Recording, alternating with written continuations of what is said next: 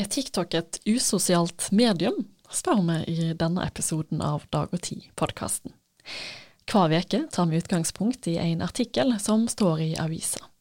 Og gjest denne veka er journalist Jesper Hommefoss Johnsen.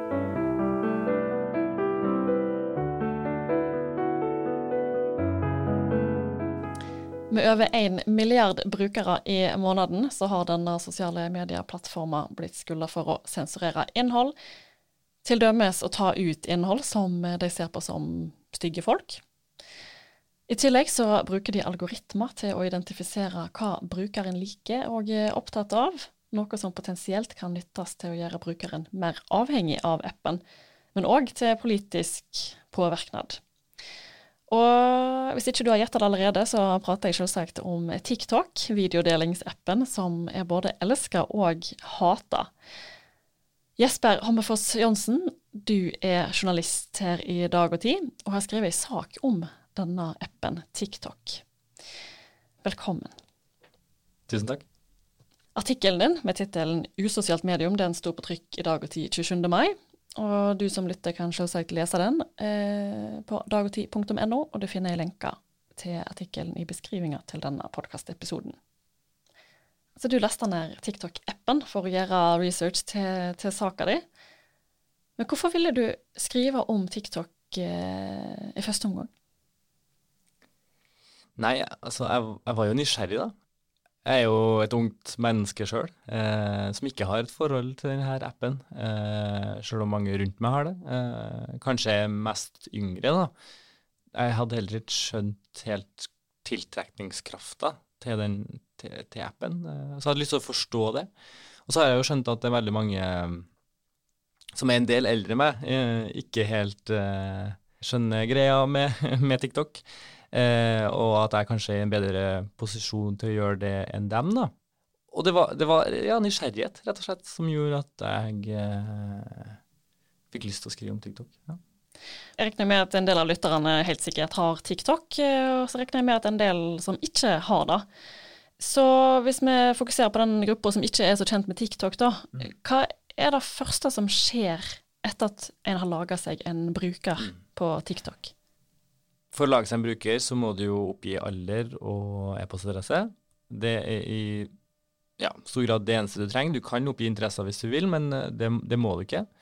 Eh, etter du har laget en bruker, så blir egentlig den første videoen vist i, i, i fullskjermformat. Det er det første som kommer opp i appen. Eh, og det, appen dreier seg da rundt den herre for deg-sida, som den kaller eller for you-page på engelsk som rett og slett bare viser deg en endeløs strøm av videoer. Altså hvis du ser en video, eller hvis du går lei av video, så bare swiper du opp, så får du en ny en. Og så ser du på den, og så er du lei av den, og så ser du på en ny en. Eh, og så blir appen bedre og bedre på å skjønne eh, hvilken type videoer du liker, hvilken type videoer du ser, kanskje ser om igjen. Og i starten så blir du vist et litt sånn forskjellig ja, forskjellige knipper innhold av det eh, TikTok har å by på, og så lærer den av det, og så blir den bare bedre og bedre på vidt hva det er du vil se. Eh, for min egen del så, så, så merker jeg veldig fort at eh, appen eh, drev og tilbød meg innhold om denne rettssaka mellom Johnny Depp og eh, Amber Heard, eh, som jeg ikke hadde noen interesse av på forhånd, men som jeg tydeligvis da var veldig interessert i, viste det seg. Så appen, eh, TikTok-appen kjenner deg bedre enn, enn du kjenner deg sjøl? Eh, ja, den vet i hvert fall hva du vil ha før du vet det sjøl. Ja. kan jo nesten tro, da. Mm.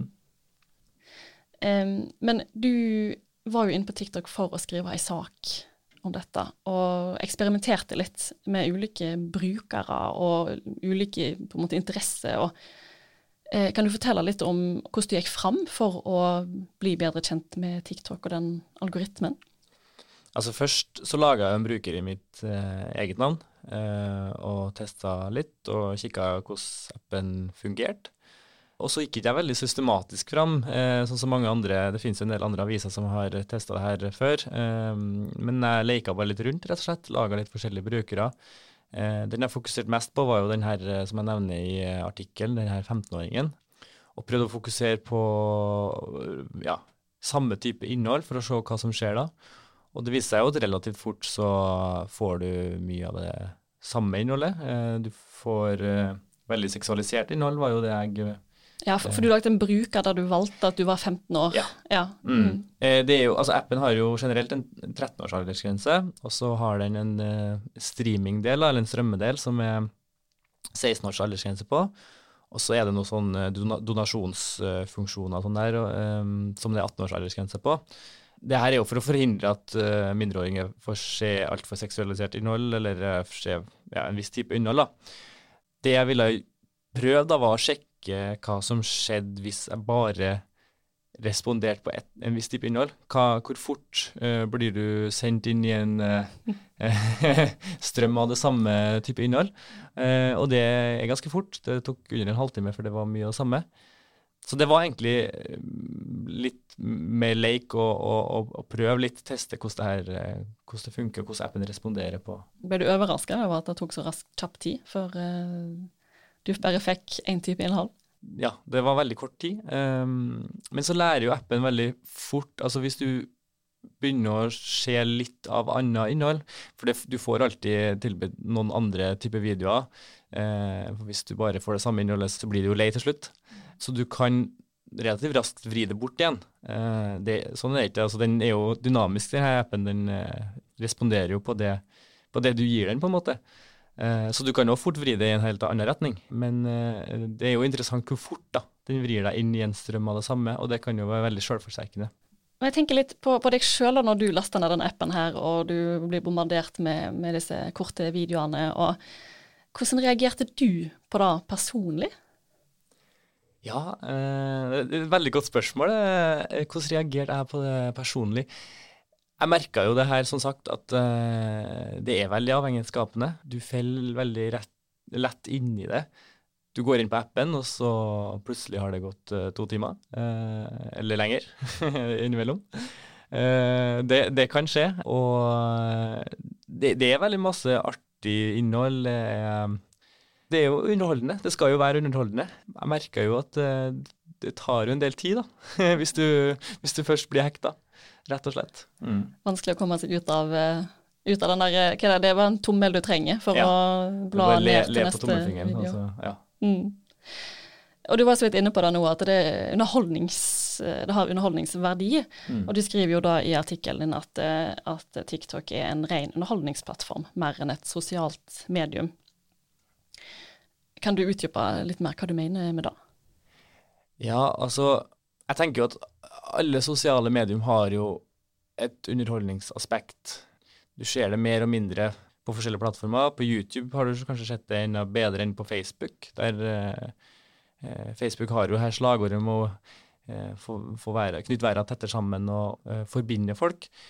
Mens på TikTok så står jo det her med kreativitet i sentrum. Det står med her, De har et motto som er å, å skape glede. Og det er innholdet som står veldig i sentrum. Du um, har ikke så mye kontakt med andre. Du får bare foreslått et visst type innhold basert på det du ser. Det er ingen som foreslår det til deg, ingen venner som liker noe, så ser du å ja, OK, det her kan være spennende å se på, eller, eller eh, så, og så videre. Og Det er derfor jeg kaller det et usosialt medium. da. For det baserer Du må ikke være venner med noen, eller uh, du må ikke uh, Ja, du må ikke forbinde deg med noen andre. Uh, det er ingen mellommenn her. Du, du, bare får en konstant strøm av videoer, så ser appen hva du liker, og så gir den deg det. Men hvis jeg forstår rett, og jeg må jo innrømme her til, til de som lytter, og det er at jeg har jo heller Jeg har ikke TikTok. Men sånn som jeg har forstått det, så er, er det mange tiktokere som, som har følgere. Mm. Som de kommuniserer med. Blir det ikke da egentlig feil å bare kalle det for underholdning? Og jo, det, det, stemmer jo. Og, og, det er jo det her jeg sier, det er jo, det er jo til en viss grad usosialt, eller til en viss grad sosialt. altså Sånn som YouTube, og det har jo et sosialt eh, eh, ja, eh, aspekt. TikTok har jo en sosial funksjon. Du kan jo følge folk, og du kan bli venner med folk, og du kan like videoer, du kan kommentere videoer. Men det er ikke det som står i sentrum, eh, og det er ikke den funksjonen appen vil at du skal bruke. Det er rett og slett eh, rett og slett Gjennom designet så står videoen i sentrum. Det at du får opp en video med en gang, og at du bare må scrolle deg gjennom denne videoen. På YouTube eksempel, må du jo bevisst søke opp videoer. Du får også foreslått videoer, men du må, du må, trykke deg inn på det. Men du får ikke bare vist innholdet, sånn som på, på TikTok. og det, ja. Ja, så Det er et eksempel på hvordan TikTok eh, annerledes enn YouTube, der du aktivt må velge eh, Mm. å klikke på en film, mens på TikTok så kommer det en ny Mm. film når du er ferdig med en annen. Mm. Mm.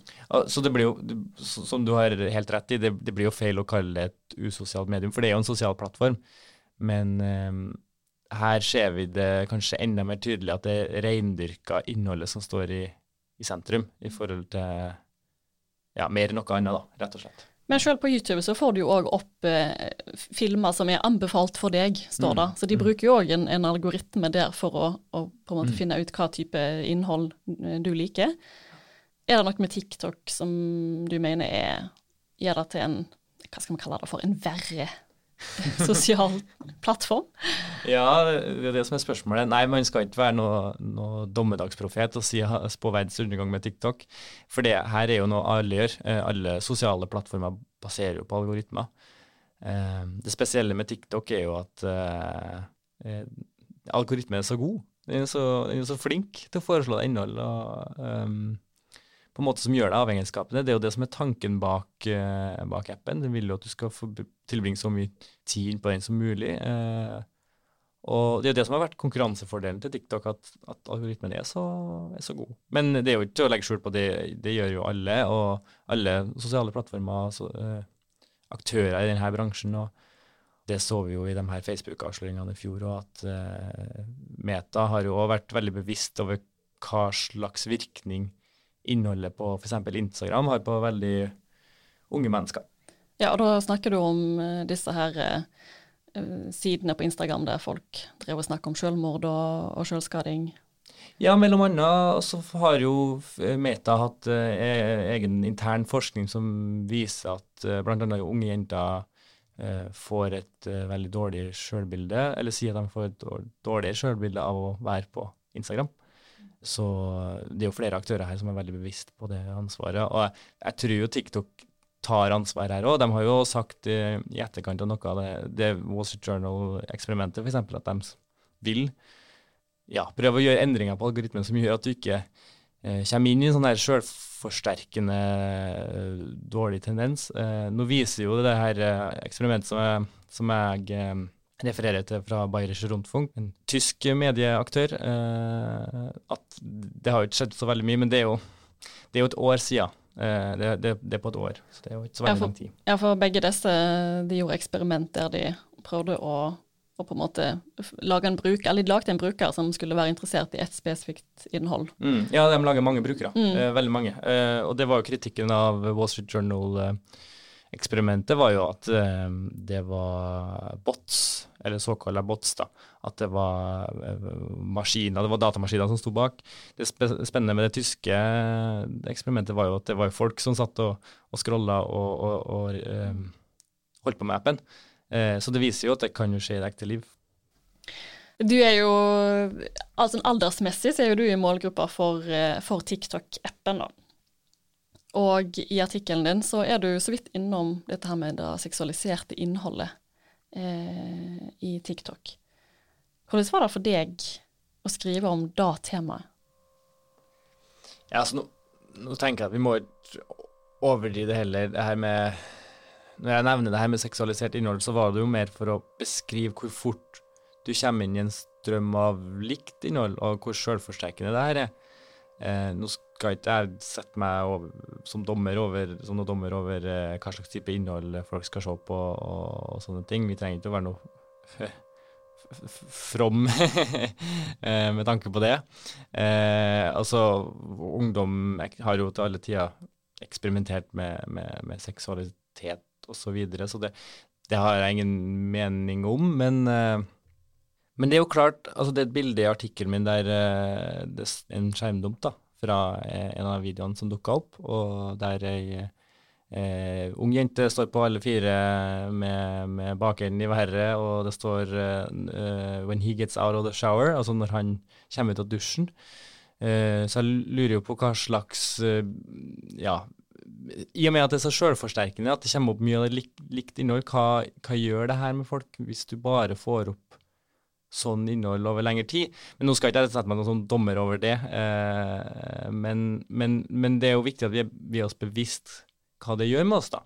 Og det gjelder jo ikke bare for det seksualiserte innholdet, det gjelder jo òg for det innholdet som handler om dietter eller spiseforstyrrelser eller eh, sjølskading osv. Her må vi som samfunn rett og slett bare finne måter å omgås det, og så må de her teknologiaktørene må jo finne tekniske løsninger som gjør at det ikke blir så sjølforsterkende, at det ikke bare blir sånn type innhold du får vist. For du kan jo komme deg ut igjen av den her strømmen av det samme innholdet, men, men um, det kan jo være sjølforsterkende, og vi må rett og slett bare være oss bevisst det som samfunn, tenker jeg. Og Derfor tenker jeg at det er viktig at vi beskjeftiger oss med det òg, at, at, vi ikke lar det bare gli og tenker at det her er ikke noe som interesserer oss. For det har jeg òg tenkt veldig lenge, at det her er ikke noe som er viktig for meg. Jeg tenker at eh, foreldre eller unge som er nysgjerrige, kan jo lage seg en bruker og bare se hva det er, og så kan de eh, slette appen i etterkant, sånn som jeg har gjort. og så har jeg merka sjøl at eh, det er veldig avhengighetsskapende, at det tar veldig mye tid. Så at det ikke er noe for meg. Eh, og så merka jeg jo veldig i løpet av denne research-tida mi at jeg eh, ble veldig bevisst hvor mye tid jeg faktisk bruker på sosiale medier generelt som gjorde at jeg sletta en del av de eh, andre plattformene jeg har òg. Når du får innhold som TikTok mener at du ønsker å få, mm. eh, og de lager en slags profil på mange måter av deg gjennom algoritmen sin, kan dette på noen slags måte misbrukes, f.eks. Eh, påvirke brukeren i en eller annen retning politisk? Det har vært veldig mye spekulasjoner rundt det her, da, spesielt pga. Det kinesiske opphavet til, til TikTok. Eh, det er jo nå foregår det en prosess der, eh, der eh, data om amerikanske brukere skal bli lagra på amerikansk jord, på amerikanske servere. og det samme skal visstnok gjøres i Europa etter ferdigstillinga av dette prosjektet. Så det ene er jo at TikTok har tilgang til veldig mye data om oss. Men så er jo også spørsmålet hvordan man kan bli påvirka gjennom innholdet et positivt døme da, er jo fra for noen år siden, der det en relativt vanlig sminkevideo ble kjent, der det var ei som snakka om uh, uigurer sine rettigheter. Der du ser hvordan politisk innhold blir, blir blanda med relativt lett innhold, altså en, en sminkevideo, eller en, det kan jo være en dansevideo eller sånt her. Det er jo et positivt døme, da, men det, det har jo potensial til å, å blande inn politisk innhold i det mer lette, i det mer underholdende. Eh, ikke at vi nødvendigvis må være så veldig redd for det, for det, det, skjer jo i det daglige i media ellers. Men, men det, er veldig, det, er jo en veldig sjølforsterkende app. altså det er veldig, Den algoritmen virker veldig sjølforsterkende. Så det gjør at du kan komme inn i en tunnel av det samme innholdet, og det kan jo i verste fall være skadelig da, i forhold til politiske prosesser. Og det, det, vet vi jo fra valget i 2016 i USA, at det var forsøk på påvirkning. Og det heller jo også tvil rundt ting i, i mange tilfeller. At ikke, man må overbevise folk, men man må rett og slett bare så tvil rundt visse prosesser, så kan jo det virke destabiliserende. Nå har du allerede røpt at ikke du er på TikTok lenger, ja. så vi, kan, eh, vi finner deg nok ikke der. Men eh, Nei. det var kjekt at du ville komme til studio og snakke litt om eh, hvorfor du ville skrive om dette temaet. Ja, takk for meg. Du lytter til Dag og Tid-podkasten. I studio var jeg Sofie Mai Rånes. Har du tilbakemeldinger på podkasten vår, så send oss gjerne en e-post. Sofie krøllalfa dagogti.no Takk for at du lytta.